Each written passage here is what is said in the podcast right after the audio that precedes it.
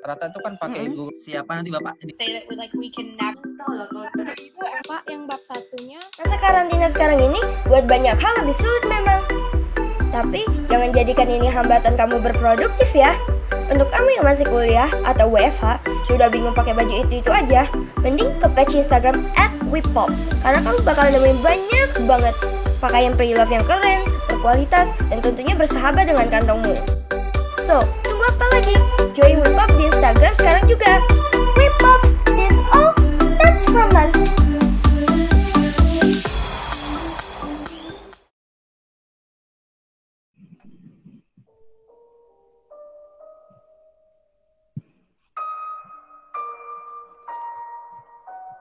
Selamat datang.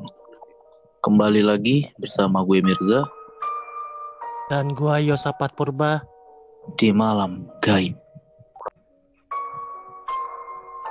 Oke, sebelum kita masuk ke pembahasan malam ini, gue menganjurkan kepada pendengar untuk tetap di rumah dan selalu menjaga kesehatan agar terhindar dari penyebaran COVID-19. Oke, malam ini kita akan bahas rumah sakit yang terkenal akan keangkerannya. Oke, langsung aja kita ke pembahasan pertama. Rumah sakit pertama yang bakal gue bahas kali ini adalah Rumah Sakit Mardi Waluyo di Blitar. Rumah Sakit Mardi Waluyo konon pernah dijadikan sebagai kedok malpraktek yang sudah mengorbankan banyak nyawa. Tidak hanya itu, banyak pasien yang pernah dirawat di rumah sakit ini mengaku sering mendengar tangisan seorang wanita tepat pada pukul 12 malam atau bayangan putih yang melompat dari lorong satu ke lorong berikutnya. Para warga yang tinggal di daerah setempat ini pun mengaku sering melihat penampakan makhluk astral seperti kuntilanak, genderuwo, dan tuyul. Oke, yang kedua, ada rumah sakit Immanuel di Bandung.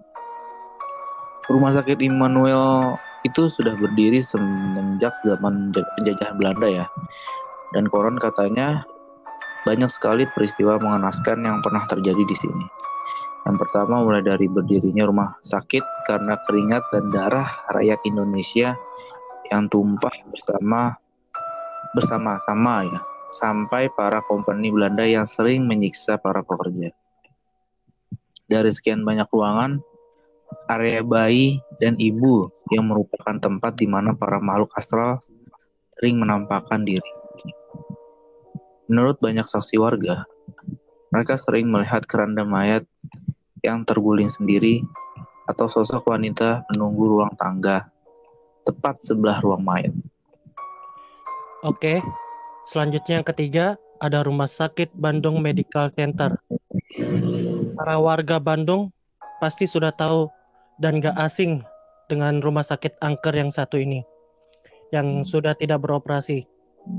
Saking terkenalnya dengan saking terkenalnya dengan kisah-kisah yang menyeramkan, sudah banyak stasiun televisi dengan program yang horor melakukan syuting di sini. Kisah horor yang paling terkenal dari Rumah Sakit Medical Center ini di Bandung adalah sosok suster yang menempati lantai satu. Menurut warga dan beberapa orang yang sering melakukan uji nyali di tempat situ, sosok suster ini sering menampakkan diri dengan seragam yang lusuh. Dan juga menurut para saksi, sebelum ia muncul, kamu akan mencium wangi melati yang tidak tertahankan. Beberapa dari mereka bahkan sampai karena terkadang wangian tersebut bercampur dengan bau busuk. Nah, yang terakhir ada rumah sakit Darmo Surabaya. Ini sama seperti rumah sakit Immanuel itu. Di sini rumah sakit Darmo sejak lama. Kisah yang menyeramkan datang dari rumah sakit ini adalah legenda kuntilanak penunggu bangsal anak yang ceritanya sudah menyebar seantero Surabaya. Menurut dari warga, kuntilanak ini akan menampakkan dirinya di tengah malam ketika mendengar suara anak-anak bayi yang menangis. Suara tangisannya ini melengking konon bisa terdengar sampai halaman parkir. Bahkan beberapa orang yang mengaku pernah melihat sosok wanita ini mengaku tidak bisa lepas dari gangguannya sampai beberapa hari. Oke, segitu dulu pembahasan malam ini. Terima kasih telah mendengarkan podcast kami. Tetap menjaga kesehatan dan patuhi peraturan PSBB karena kesehatan adalah harta yang tidak dapat digantikan. Dan juga jangan pernah takut kepada makhluk-makhluk astral karena kekuatan yang lebih hebat dan lebih kuat hanya milik Tuhan Yang Maha Kuasa.